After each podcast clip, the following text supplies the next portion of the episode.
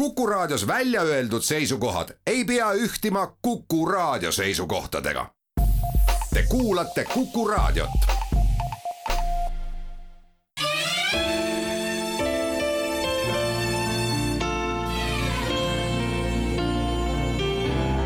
nädala raamat. Cape Brown, purist mullaks, ühe perekonna teekond taastava põllumajanduse juurde Postimehe kirjastuselt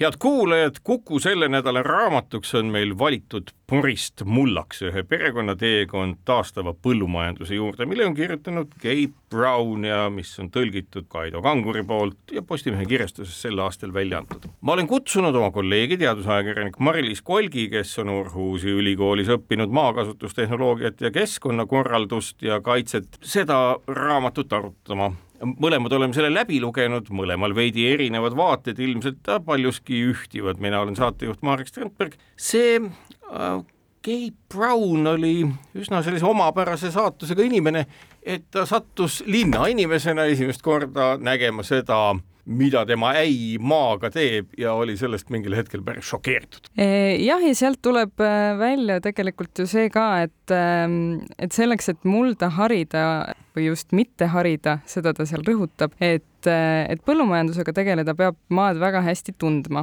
Ja maad saab tunda väga hästi siis, kui inimene on seal üles kasvanud, vastasel juhul peab tal olema väga palju aega, kus ta ei saa teenida kasumit, mm, seda maad tundma õppida. aga temal seda võimalust ei olnud, nii et tema pidi õppima väga-väga kiiresti, kiiremini kui teised, tal oli väga palju ebaõnnestumisi, mis siis lõpuks tulid talle kasuks ja inspireerisid paljusid teisi selles mõttes läheb see kokku paljude põhjarahvaste räägitud lugudega, mida vahendas mulle vist Urmas Tartes, kes ütles, et jaa, et põhjarahvastel on selge arusaam, et natukene nii-öelda saad sa aru esimese päevaga, kus sa oled veidi rohkem esimese nädalaga, aga selleks, et aru saada sellest keskkonnast, kus sa oled ja selle loodusega kokku kasvada, kulub ikka päris mitu aastat. ma saan aru, et see on umbes sama loogika. jah, ma, ma arvan küll ja, ja tegelikult, mis siit raamatust võib jääda vale mulje, eriti kui see niimoodi kiiresti äh, läbi lugeda, kuna ta on väga hoogsalt ja ameerikalikult konkreetselt äh, kirjutatud, siis, siis võib tõesti jääda mulje, et, et tema teekond ongi olnud väga lihtne, ta on nende teadmiste peale tulnud äh, kohe ja justkui niisama, aga tegelikult tegelikult ei saa seda lugedes ära unustada, et, et see kujunemine on võtnud aega kolmkümmend ja rohkem aastat. see on päris pikk aeg, teistpidi, kui me võtame nüüd nagu Euroopa suuna, siis omapärane on ju see, et ega Euroopas on kuidas kusagil nimetatud sellises saksakeelses kultuuriruumis Šveitsis ja Saksamaal ja Austrias biodünaamilist põllumajandust ja meil kutsutud mahepõllumajandust ju edendatud ka üsna pikka aega ja süsteemselt. Euroopa Liidus paljud need asjad, mida Gabe Brown kirjeldab kui oma sellist leiutist, on ju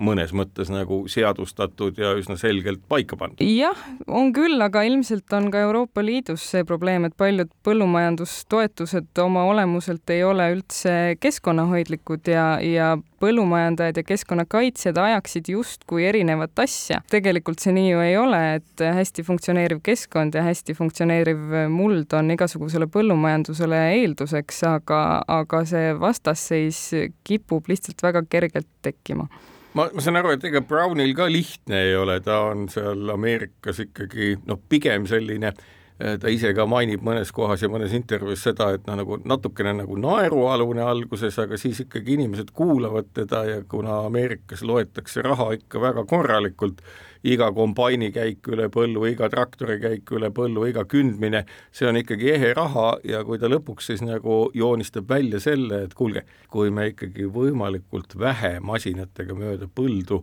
ringi kütame, et siis see lõppkokkuvõttes mõjub hästi ka meie rahakotile. Just, ja ta seal raamatu lõpus toob väga huvitavalt välja, et tema ise ühel hetkel otsustas, et ta ei võta mitte ühtegi toetust vastu Äh, sellepärast et äh, tema ei saa seda puhta südametunnistusega teha. Ameerikas muidugi on toetused sellised äh, keerukamad kui meil või vastupidi, hästi lihtsamad, et lihtsalt, et üks toetuste tüüp vist on seal puhtalt selline, et kuule, kasvata maisi või mingit teravilja, tee sellest piiritust ja müü see kütusena maha. ma ei tea, kas seal on veel mingeid, mingeid toetusmehhanisme, kindlasti hästi palju ja erinevaid. ilmselt on ja ilmselt äh, toetatakse ka ju äh, pestitsiidide kasutamist, mis teevad mullast narkomaani, nagu Brown ütleb. nojah, seda enam, et üks huvitav asi, millega ta ju alustab ja mida ta seletab, on see, et vaadake, et asjaolu, et Äh, taimi saab kasvatada ka ilma mehhaniseerimiseta või vähemalt väga intensiivse mehhaniseerimiseta, tagab lõppkokkuvõttes ühe huvitava asja, et muld imeb enda sisse ja hoiab päris pikka aega vett, mis Põhja-Dakotas, kust ta pärit on, mis on küll lõuna pool kui meie, aga kliima mõttes selline karmim isegi kui meil siin, äh, on väga oluline. ilmselt tegelikult saab ju mõndasid tema põhimõtteid, ta küll rõhutab väga tugevalt ka seda, et, et tal ei ole vastuseid kõikidele küsimustele ja, ja kõik peavad ikkagi ise katsetama, mis neile oma põllumaa peal sobib, aga, aga kuskilt saab mingit inspiratsiooni võtta ka Eesti kliimaoludes. tundsin huvi, et milline on siis olukord, ennem kui me seda saadet lindistama hakkasime, et milline on olukord siis Eesti muldadega ja tuleb välja, et ega meil olukord väga hull ei olegi. ehk et äh, iseenesest nagu osaliselt selle äh, Browni soovituste põhjal või sellise nii-öelda äh, loodusega koos kasvatamise põhjal on meil päris palju põllumajandusvõtteid kasutusse võetud ja ma isegi ei oska öelda, kellele see raamat võiks olla suunatud, et kus on sellist nõukogudeaegset põllumajandusstiili kõige rohkem säilinud. Ja siis ma tabasin ennast, et see on ju kus kohas, need on need nii-öelda kodude lähedal olevad põllulapid, mida garanteeritult kaks korda aastas üles küntakse ja kus nii-öelda sellist nii-öelda koheva mulla teket ei saagi sündida. jah, aga ma arvan, et see raamat eh, tingimata ei, ei pea funktsioneerima nagu õpik, kuigi ta funktsioneerib õpikuna ilmselt väga hästi, eh, siis tegelikult eh, võib ta olla mõnus lugemismaterjal ka neile, kes juba teevad asju Browni järgi siis õigesti, sest et mind inspireeris see raamat küll äh, natukene lihtsalt enda ümber rohkem äh, vaatama loodust, tähele panema neid muutusi, mis seal äh, toimuvad ja see, et, et mingi asi kellegi põllu peal mõnda aega toimib, ei tähenda, et see teeks seda igavesti. Seal on jah, tema peamine ju soovitus ja see, mida ta hästi kirjeldab, on see, kuidas nõndanimetatud, mis ta eesti keeles on, vahekultuuridega siis saavutatakse olukord, kus äh, fotosüntees toimib, süsinikku toodetakse ja siis erinevate mehhanismidega, mis valdavalt ongi seotud sellega, et seal on siis sügavama juurega taimi ka vahekultuurideks, mis põhimõtteliselt on ju nagu Tootsi peenar, mida ta soovitab kasutada,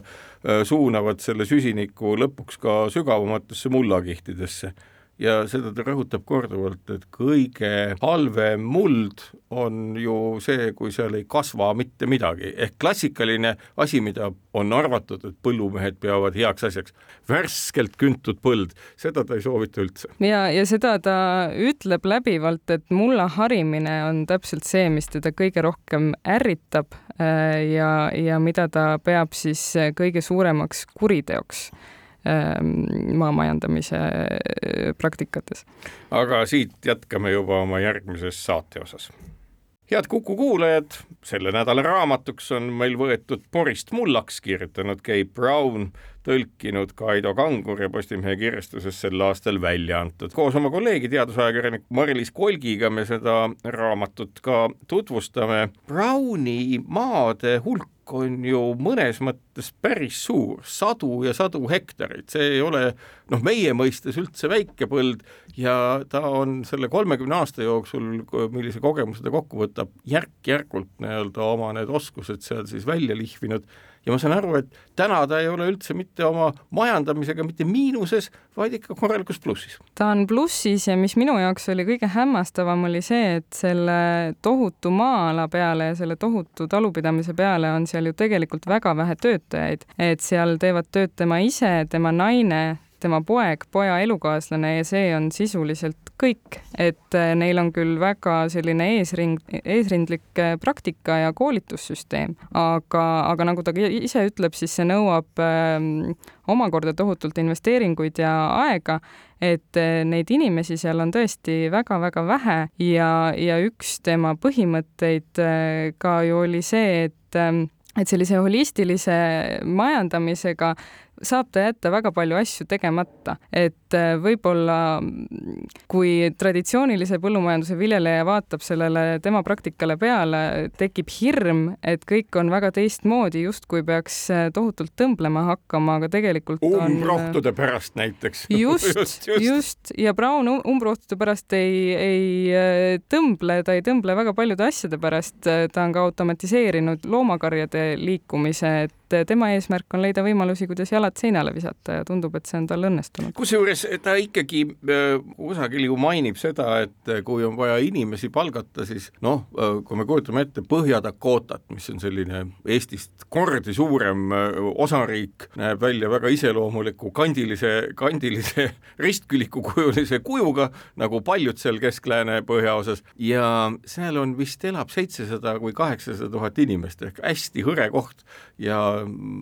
huvitav oli see, et ta teatas, et ta maksab tegelikult tänasel hetkel, kui ta peab töötaja palkama, talle kakskümmend viis dollarit tunnist. noh, mis on Ameerika mõttes üsna hea palk, rääkimata sellest, kui hea palk see on Eesti mõttes. jah, ja ilmselt on äh, tema, tema ettevõte ka väga atraktiivne koht, kus äh, töötada, et tõenäoliselt tal ei ole inimeste leidmisega absoluutselt probleeme, võib-olla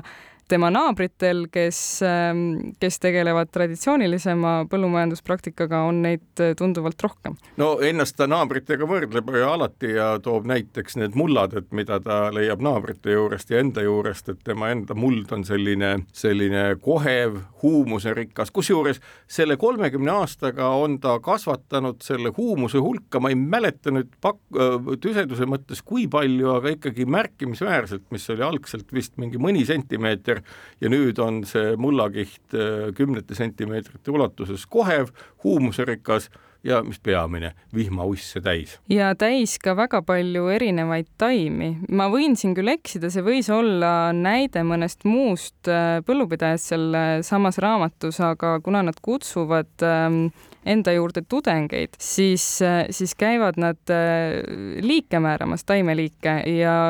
saavad teha statistikat aasta-aastalt, et, et nad vist jõudsid äh, mõne aastaga saja neljakümne erineva liigini nende maa-alal, et mitte siis ainult ühel põllul, aga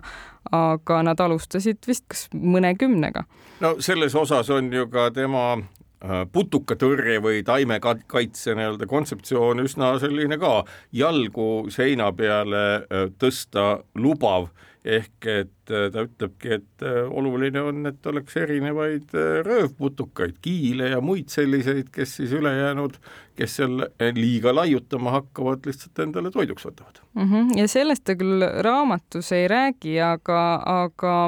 tahaks rõhutada, et sõnakasutus on oluline, et keskkonnakaitsjad kipuvad neid asju nimetama pestitsiidideks, põllumajandajad taimekaitsevahenditeks ja kui loobuda sellest äh, sõnast taimekaitsevahendid, mis äh, tegelikult ju selle asja olemust ei, ei väljenda, äh, siis võiks väga palju lähemale jõuda nende kasutamise probleemi olemusele. ja putukamürk tuleks otse välja öelda või siis mingisugune noh, nii-öelda konkureerivaid taimi hävitav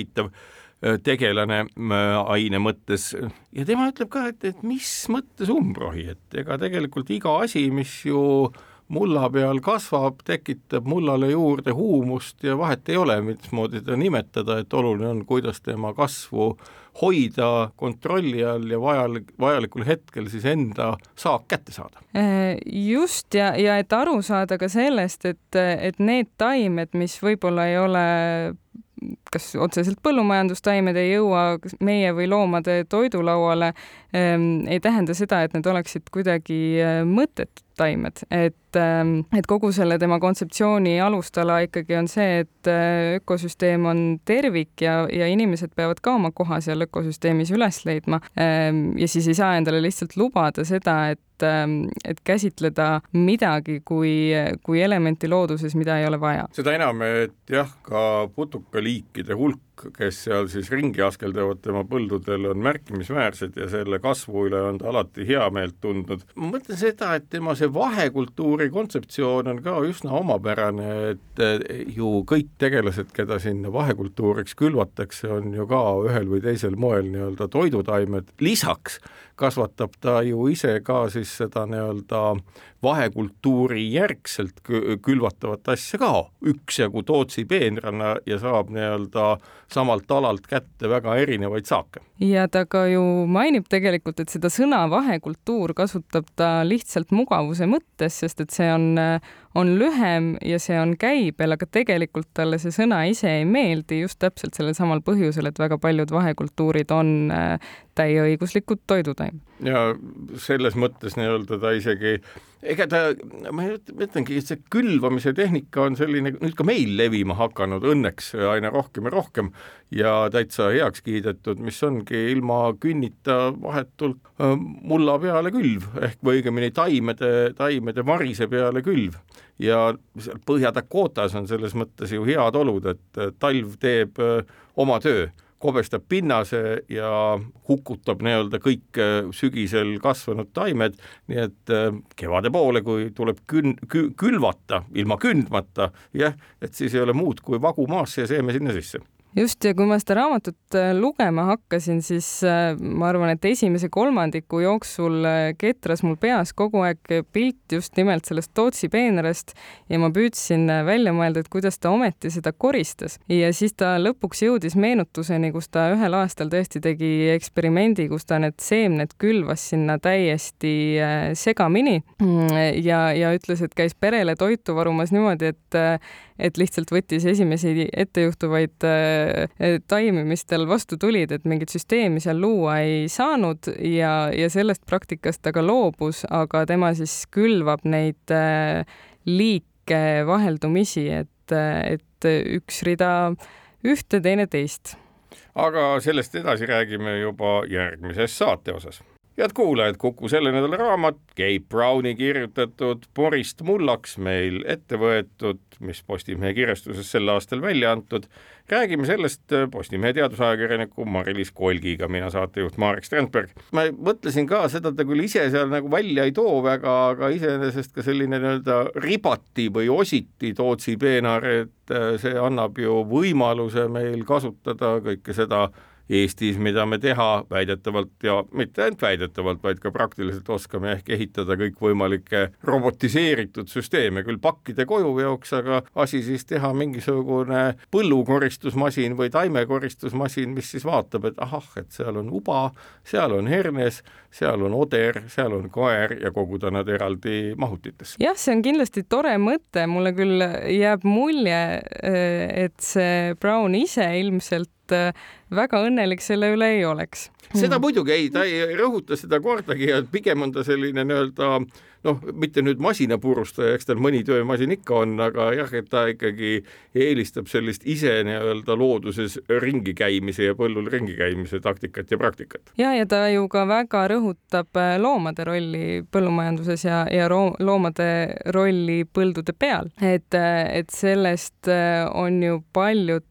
paljud talunikud tegelikult võõrandunud, et loomad pannakse kuhugi lauta eraldi ja, ja ei ole neil absoluutselt absoluutselt võimalust äh, loodusega suhelda, et kui me räägime sellest, et, et loomadel võiks natuke rohkem vabadust olla, siis see on tavaliselt heaolu kontekstis, aga tegelikult on siin ka see aspekt, et et ka mulla tervisele mõjub see väga hästi. jah, seda enam, et ei ole ju siis seda nii-öelda ahelat, mis tänasel hetkel ju ma arvan, nii mõnelegi ikkagi, pidades silmas kütuse ja energia hindu, aina valulisem on, et nii-öelda sõnnikumajandus ja siis sööda marumine ja kõik muu sinna juurde, ehk sellisel puhul, kui loomad elavad põldudel, on see kõik täiesti loomulik ja nad laotavad ise oma nii-öelda kompostina, kompostiks muutuva sõnniku ühtlaselt ise laiali, ilma et sellega tuleks vaeva näha. ja mis veel huvitav, on see, et tegelikult ju sel moel laiali laotatud väljaheited, mis nii-öelda lõpuks ka maad väetavad ja mullale rikkust annavad, on samas ka ju putukate elupaikadeks. just, ja ta tegelikult vist võrdlemisi lühikese ajaga, ma ei mäleta, kas ta alustas kas kanadest või veistest, jõudis ta ka oma seda loomaarsenali tohutult mitmekesistada, et ta lõpuks jõudis lammasteni ja tal oli veel plaane vist kas parte, sigu, et, et ka see sõnniku kompositsioon tuleb lõpuks väga erinev. no ega part ja muu selline tegelane on ju oluline, linnud eriti just nimelt fosforiringe korraldamiseks, nii et noh, eladagi sellises täiesti omapärases keskkonnas, kust on võimalik alati võtta toitu ja mis ei ole nii masindatud, mis tähendab tegelikult seda, et selline põllupidamise viis ja toidu kasvatamise viis eeldab ka ikkagi väga lokaalset turgu, mis vist ongi sellise nii-öelda taimekasvatuse puhul igati mõistlik. Jah, ja see nagu tuleb sealt äh, raamatust välja ja, ja mul on ka mulje lihtsalt kuulates tuttavate juttu, et see on ka see, mida inimesed soovivad, et, et väga paljud küsisid ju Brownilt, et kus täpselt äh, ta oma loomi ja taimi kasvatab, et see on väga oluline müügiargument. ja Brown, mulle jääb mulje, et ta on väga-väga andekas ärimees et ta on ju osanud äh, iga väiksemagi kui asja rahaks teha äh, ja seda mitte sel moel, et püüelda mingi tohutu kasvu poole, vaid ta on lihtsalt nutikalt äh, leidnud võimalusi, kuidas seda teha. et kui loomadest veel rääkida, siis ta ju rõhutas ka mm, metsloomade olulist rolli selles tema talu ökosüsteemis ja, ja ta oleks võinud anda vist siis välja õigusi jahtimiseks, aga see oli see ainus koht, mida ta vist rahaks ei teinud, ta andis selle õiguse puuetega inimeste jahiühingule, mis tähendab väga palju väiksemat koormust. ja ses mõttes nii-öelda ju taas selline noh, ma saan aru, et ta pakub ka välja seda, et lihtsalt inimesed tema sellel põllul viibida saaksid ja et see on lihtsalt ka ekskursiooni koht noh, paljudele teistele, kes, kes on ka huvitatud samal moel taimede kasvatamisest. ma ei tea, kas ta sinna pileteid müüb või tutvustab seda lihtsalt, aga igal juhul nii-öelda see vaatamisväärsusena tema tegevus on ju igati tähelepanuväärne. Jah, pileteid ta sinna tõesti müüb, sest et ähm, kuna sinna alla läheb äh, aega ja ressursse, siis äh,, siis oli see vist igati loogiline otsus. Ja, ja siit tulebki tema ärimehe andekus äh, just nimelt välja. käisin äh, hiljuti Gröönimaal konverentsil, kus ma kuulasin ühe Norra teadlase ettekannet äh, sellest, kuidas põlisrahvad võiksid ähm, raha teenida, kuidas nad võiksid oma traditsioonilise loomakasvatusega seda teha ja, ja tema põhiline mm, sõnum oli see, et et, et mitte, mitte toota rohkem ja siis müüa rohkem, vaid küsida vähema eest rohkem raha, mis on täpselt seesama, mida teeb Brown. nojah, ega ei saa ju ekstensiivsemalt toimida, kui loodus seda võimaldab. siin muidugi tekib üks teine küsimus, et ega ju sel moel toimides äh, ikkagi no seda nii-öelda kümmet miljardit inimest äh, tundub olevat üsna vaevaline ära toita, aga vist see ei saagi olla eesmärk, ehk et äh, toidu kasvatamine looduses ei olegi ju võimalik äh, laiendada või seda ei saagi laiendada nii suureks, et kõik kümme miljardit sel moel toidetud oleks. raamat iseenesest seda ju lootust tegelikult annab. lugesin, just. jah, realistlikult tundub see muidugi üsna võimatu aga tõesti tuleb aru saada, et maailmas toidupuudust ei ole, on lihtsalt äh, meeletu toidu raiskamine ja, ja kuna mulla tervis on äh, paljudes kohtades kehvakene, siis äh, peab ka tohutult pingutama ja võimlema pidevalt, et, et saada seda vajalikku äh, kogust äh, toitu siis toota. aga Brown on tõesti väga-väga optimistlik ja ütleb, et kui kõik teeksid nii nagu tema, siis, siis ei oleks mingit probleemi. tõenäoliselt seda mitmel põhjusel kõik siiski tegema ei hakka. no samas, kui vaadata, siis ega Eestis oleks see üksjagu võimalikki ja nagu öeldud, nagu väga suures ulatuses ka nii toimitakse ka meil on selline segavahekultuurid, millest päris paljud taimed on ka söödavad muuhulgas ja nii edasi, nii edasi, nii et äh, me liigume sinna noh, kas siis Browni innustusel või ilma selleta lihtsalt Euroopa Liidu teistsuguse põllumajandus- ja taimekasvatuspoliitika tõttu, aga ma ei kujutagi ette, et Eestis võiks ju selliseid Browni laadseid ikkagi lõppkokkuvõttes olla üsna ohtralt, noh, mõned ongi, kes on siis mahetalunikeks ju vermitud. just, et, et looduse poolt vist takistusi ei ole, takistused tulevad inimeste enda mõtlemisest ja harjumustest, nagu ta ka raamatus täheldab, et, et kui ta on oma sõnumit levitamas käinud, et siis äh, inimesed kipuvad äh, oma probleemidele, probleemides süüdistama kõiki teisi, see lihtsalt ongi harjumus. põllumajandajad süüdistavad oma probleemides seda, et loodus ei tee nendega koostööd, et ilm oli kehv, aga et analüüsida oma tegevust, et sellest jääb äh, puudu, et, et ilmselt suurim takistus on just see mentaliteedi küsimus ja sääl hea näide ju ka selles, et äh, mida siis selline niiskust hoidma kavandatud äh, põld tegelikult tähendab, ongi ju see, et äh, me kurdame siin kliima soojenemist, me kurdame seda, et väga tõsiselt põud võib kahjustada saagikust ja nii edasi, nii edasi, tegelikult näitab Braun üsna ilmekalt seda, kuidas suur hulk erinevaid taimi hästi vett siduv maapind ehk muld annab lõpptulemuseks selle, et isegi oludes, kus päike sirab ja naabrite põldudel, kus mullapinda avatud päikesele hästi palju, on need temperatuurid oluliselt kõrgemad kui tall, kus siis vett aurub, taimed varjuvad lehtede ja vartega oma, oma aluspinda ja nii edasi. jah, ja mida ta ka ütleb, on ju see, et, et kuigi tal on suurepärane näide sellest, kuidas tema on õnnestunud, kuidas ta põudadega suhteliselt hästi kas või hakkama saab, siis tundub see ikkagi teistele inimestele kuidagi uskumatu või midagi, mida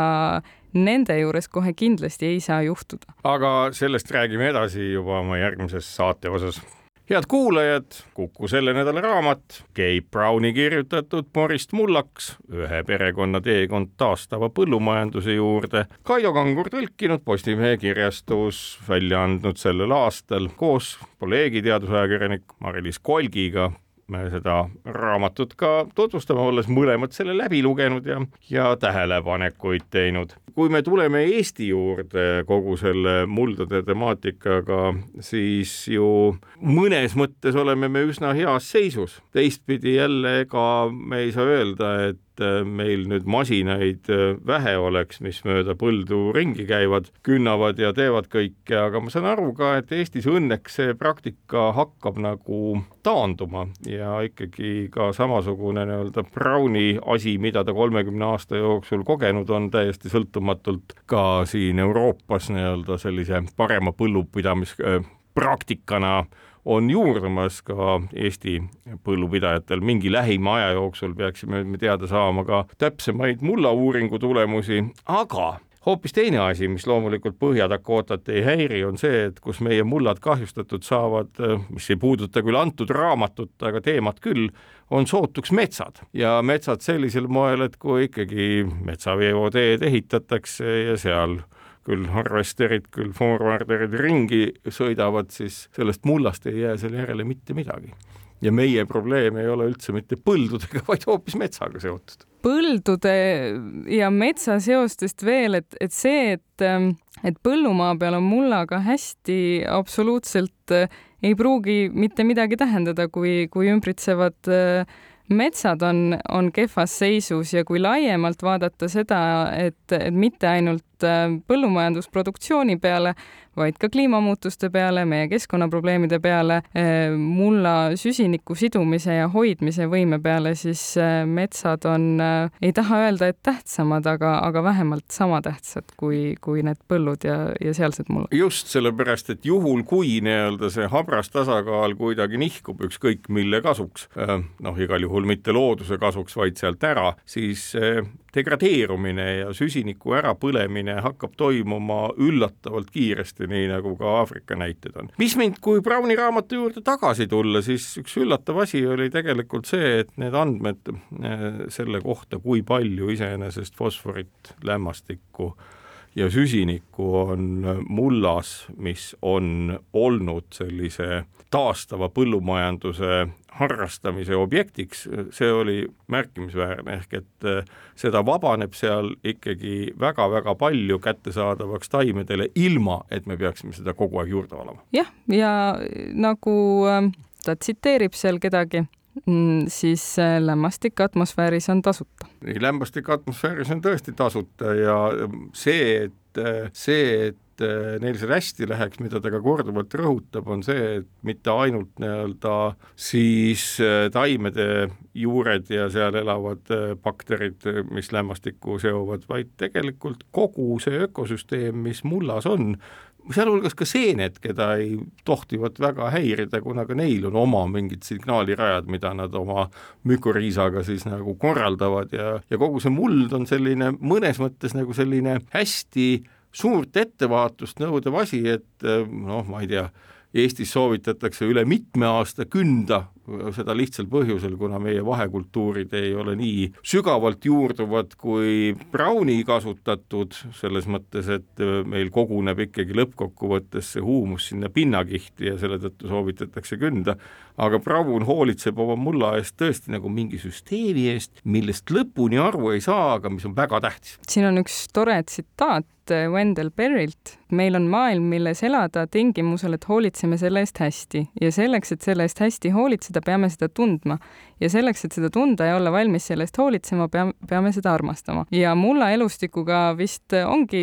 see väike probleem, et kuna suurt osa sellest ei ole näha, eh, vähemalt mitte palja silmaga, siis on sellega väga keeruline suhestuda Ehm, seal on paljut, mida me ei tunne ja, ja ei oska selle osas tunda empaatiat või isegi selle vajalikkusest aru saada. jah, sellepärast, et empaatia empaatiaks, seda ei tunne väga paljud inimesed üldse vist, aga aru saada sellest, et seal on mingi mehhanism, mis ringi askeldab ja mis peamine, hoiab mulda aktiivsena, hoiab teda kobedana,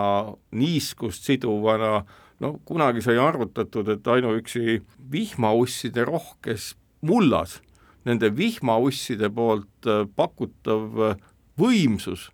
on kümneid ja kümneid kilovatte ühe hektari kohta, et noh, piltlikult öeldes selline terve armee kaevab kogu aeg seda mulda ringi, ilma et me midagi tegema peaksime. lihtsalt anna mulda otsast peale ja vihmauss elab täitsa hästi. jah, ja vihmaussile ei pea ka palka maksma. just, et vastupidi, et palka tuleb vähem maksta, et keskkonda vähem häirida ja siis hakkavad meie koostööpartnerid mullas ise toimima. Huvitav on see, et äh, Brown äh, osutab selle peale, et ju tegelikult ega tema mulla see aluspõhimik või nii-öelda see mineraalne osa on ju täpselt samasugune nagu naabritel. lihtsalt äh, naabrid toimivad sellega tal ühtemoodi või mujal toimitakse ühtemoodi, tema teistmoodi ja see on tõesti loetud aastate küsimus, kui muld ärkab uuesti ellu. ja, ja mis vist ähm, oli siis õnnistuseks Brownile, olidki tema ebaõnnestumised, et kui tal oleks algusest peale läinud kõik hästi, kui ta ei oleks läinud pankrotti, kui ta ei oleks kannatanud põua all, siis ei oleks ta üldse sinnamaale jõudnud, et oma naabritest midagi teistmoodi teha. ja selles mõttes see ongi täpselt selline noh, jällegi, et, et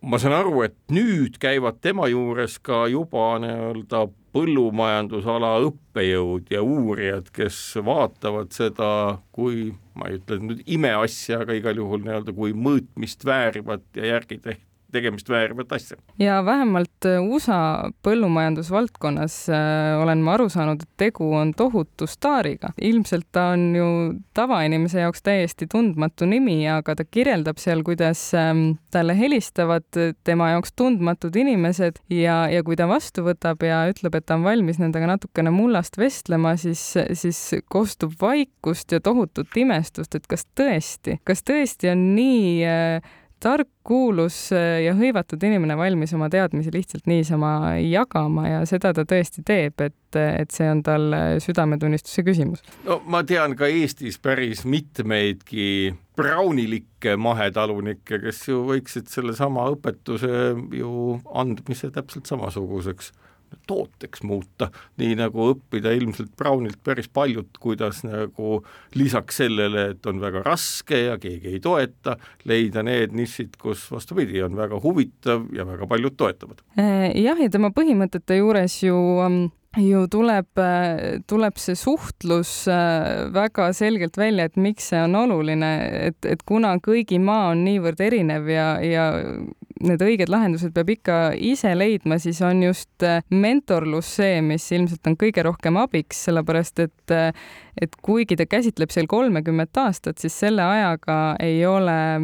põllumajandusharidus ülikoolides muutunud, et õpetatakse ikka täpselt neid samu põhimõtteid. aga edasi räägime juba oma järgmises saate osas head kuulajad, Kuku selle nädala raamat Borist Mullaks kirjutanud Kate Brown, raamat räägib ühe perekonna teekonnast taastava põllumajanduse juurde, tõlkinud Kaido Kangur Postimehe kirjastuses sel aastal välja antud. mina saatejuht Marek Strandberg koos oma Postimehe kolleegi Mari-Liis Kolgiga oleme raamatu läbi lugenud ja arutame sel teemal, jõuame rääkida muidugi ühe väikese osa vaid sellest, aga eks te ise loe juurde. nüüd üks aspekt, mis paratamatult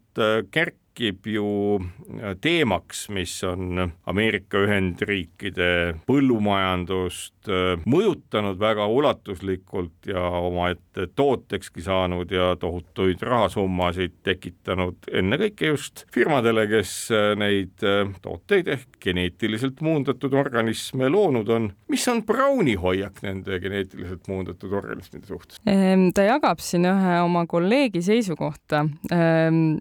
et Ähm, GMO-de kasutamine on ülbus, et pikemas perspektiivis ei ole võimalik loodusega manipuleerida ja seda võita, viimane sõna jääb alati loodusele. kuigi ta teadvustab ka GMO-de ähm, positiivseid külgi ja, ja selge on see, et, et selle ähm, mõistlikkuse üle võib ju vaidlema jäädagi, aga see on nagu võlgu võtmine, et, et samamoodi nagu on pestitsiididega ja, ja väetistega, et et, et sa võid teha ühelt poolt mullast narkomaani, teiselt poolt ise väga kiire eduga ära harjuda, aga üks hetk maksab see sulle tõenäoliselt kätte. ehk et kuna ju kõiki taimi ei õnnestu muundada geneetiliselt, siis ülejäänud selle ühe suhtes ju võtavad ette mingisuguse jutumärkides plaani ja suhtestuvad temaga mingil moel, kui eesmärgiks on hoida mulda heas seisus, siis tuleb seal nagu kõikide taimede ainevahetust ja toimivust ju arvestada. E, just, ja, ja ilmselt tekib seal ju ka kindlasti ühel hetkel see küsimus, et kui sa oled hakanud midagi e, torkima, et siis sa pead tegema seda igavesti, aga kui tahta oma elu elada ja põldu harida põhimõttel, et e, jalad seina peal nii palju kui võimalik, siis on oluline ilmselt äh, võtta loodusest äh, eeskuju. no ja seda enam, et äh, ju nendesamade muundkultuuride tootjate põhimõtte hulka kuulus ju ka see ja mitte ainult põhimõtte, vaid möödapääsmatuse hulka, et iga aasta pidi põllupidaja ostma need seemned, mis olid just, just loodud sellepärast et äh, need seemned, mis äh, muundkultuuridega taimedelt pärit olid, ei olnudki väga elujõulised. ja, ja kõige elujõulisemad on ju need seemned, mida, mida talunik saab oma põllult ise korjata ja koristada ja, ja sealjuures vähendada ka oma kulusid no me oleme siin omavahel ju mitmel korral arutanud sedasama nii-öelda tulevikutoidu küsimust, mida Brown loomulikult ei puuduta oma raamatus, aga teemaks ikkagi, et ikkagi sisetingimustes suures hulgas nii-öelda valku ja muud toota just nimelt kasvuhoonetes ja reaktorites. see võib-olla isegi muutub möödapääsmatuks, ma ei oska öelda, seda enam, et kui teist poolt pidi nii-öelda on sellised Tootsi põllud, kust äh, vajalikud mineraalid ja kõik muu meie toidulauale jõuab, et kas siis tulevikutoit su meelest on ka selline miksitud erinevatest tootmisskeemidest? ma arvan, et see tõesti on üsna möödapääsmatu, et ideaalis oleks ju maailm kindlasti väga-väga ilus paik, kui kõik teeksid nii, nagu Brown seda teeb, aga mm, ma kahtlustan, et inimloomus lihtsalt on selline, mis, mis paneb sellele piiri ette ja lihtsam on võib-olla harjuda mõttega eh, tohututest kasvuhoonetest ja, ja tehnoloogilisest arengust kui sellest, et me pöördume täielikult Ähm, looduse poole tagasi. no samas, ega Browni-laadsed ju ära ei kao, et ega ikkagi seesama huvi loodusega kokku puutuda ja ma arvan, et ka nende taimede maitsed ja mineraalide kompositsioonid, mis seal sees on, on ikkagi oluliselt teistsugused, kui iialgi kasvuhoonetes saavutada võiks. jah, ja siin on ju see aspekt ka, et kuna tema viies ähm, mulla eest hoolitsemise põhimõttes viimane on äh, loomade loomade kasutamine. Ehm, ja, ja tulevikutrendid ehm, osutuvad äh, taimetoidu populaarsuse või siis äh, ei taha öelda sunni, aga, aga selle vajaduse poole, et, et äh, suurem osa toidulauast oleks just nimelt äh, taimne, siis ähm, noh, seda vist ka karta ei maksa, et, et kõik peavad veganiteks hakkama, et loomi on äh, tahes-tahtmata vaja. aga nende loomade hulk loomulikult ei saa olema tulevikus sellistel Browni Tootsi põldudel nii suur, nagu me oleme harjunud kõikvõimalikes nii-öelda Äh, kasvuvabrikutes nägema ja pigem see ongi selline laiendatud jahipidamine või kuidas me iganes seda nimetame, igal juhul nende loomade hulk, kes saavad sellistel põldudel söönuks ja ellu jäävad, on ikkagi kordades, kui mitte suurusjärkudes väiksem kui see, mis on tänane loomakasvatus. ja seal kõrval võiksid siis ilmselt olla mingid põnevad laborivalgud ja, ja sisetingimustes ähm, rakkudest kasvatatud lihasaadused. jätkuvalt on ju alles, eks ole, sellised nii-öelda noh, ma ei tea, mõnel tuhandel ruutmeetril või isegi mõnesajal ruutmeetril endal kodus põldu pidavad või kodu lähedal põldu pidavad ja toitu kasvatavad inimesed, ilmselt nende hulk aina kasvab ja kasvab. ma ei, ma ei kujuta ette, tegelikult julgeks täiesti ka neile öelda, et kuulge, et äh, lugege seda ja ja vaadake, kuidas ta toime tuleb, et ega te ju ei pea ka noh, nii-öelda nui neljaks kogu aeg labidaga oma aiamaad üles kaevama, et siin on palju pehmemad meetodid ja noh, väiksel aiamaal, kus teil on aega nagu piiramatult käes, on selline Tootsi peenar võib-olla vastupidi, väga kasulik. ja selle katsetamise ja võimalike ebaõnnestumistega on tõenäoliselt sellises kontekstis ka kergem leppida, et äh, kui see on hobi, mitte sissetulek, siis ähm, on rahulikumalt äh, aega õppida ja vaadata, mis toimima hakkab. no ja selles mõttes nii-öelda on ju Suurbritannias ka teine stiil, mis on Aafrikast toodud, mis on metsaaiandus või metsapõllundus. Ja ma arvangi, et ega ju inimesed siin koroona ajal hakkasid mõtlema selle peale, et läks maale, mõned läksidki ja iseenesest selline täiesti uus hobipõllundus, mis ma kujutan ette, et lõppkokkuvõttes võiks ju toidulauale anda noh, kas nüüd kogu toidulaua, aga viiendiku võib-olla ikka, kui seal mingi mõni tuhat ruutmeetrit on, see võiks olla päris huvitav perspektiiv. Äh, ja, ja eks hobidega peab olema ettevaatlik. Äh, raamatust tuleb ju ka välja, seal on mitu näidet inimestest, kes äh, tahtsid kolida linna või arvasid, et nad kunagi ähm, põllumajandusega tegelema ei hakka, aga hakkasid vaikselt katsetama, hakkas meeldima ja siis enam ei saanud loobuda. ma kujutan ette, et, et selline tulemus võib tulla ka lihtsalt väikese aialapiga alustamisel. no vot, see oli meie selle nädala raamat, Gabe Browni kirjutatud Porist mullaks, ühe perekonna teekond taastuva põllumajanduse juurde. sellega on raamatu tutvustus läbi, lugege, mõelge ja vaadake, milliseks põllupidajaks teie tahate kujuneda selle raamatu põhjal, kui üldse. kaunist päeva teile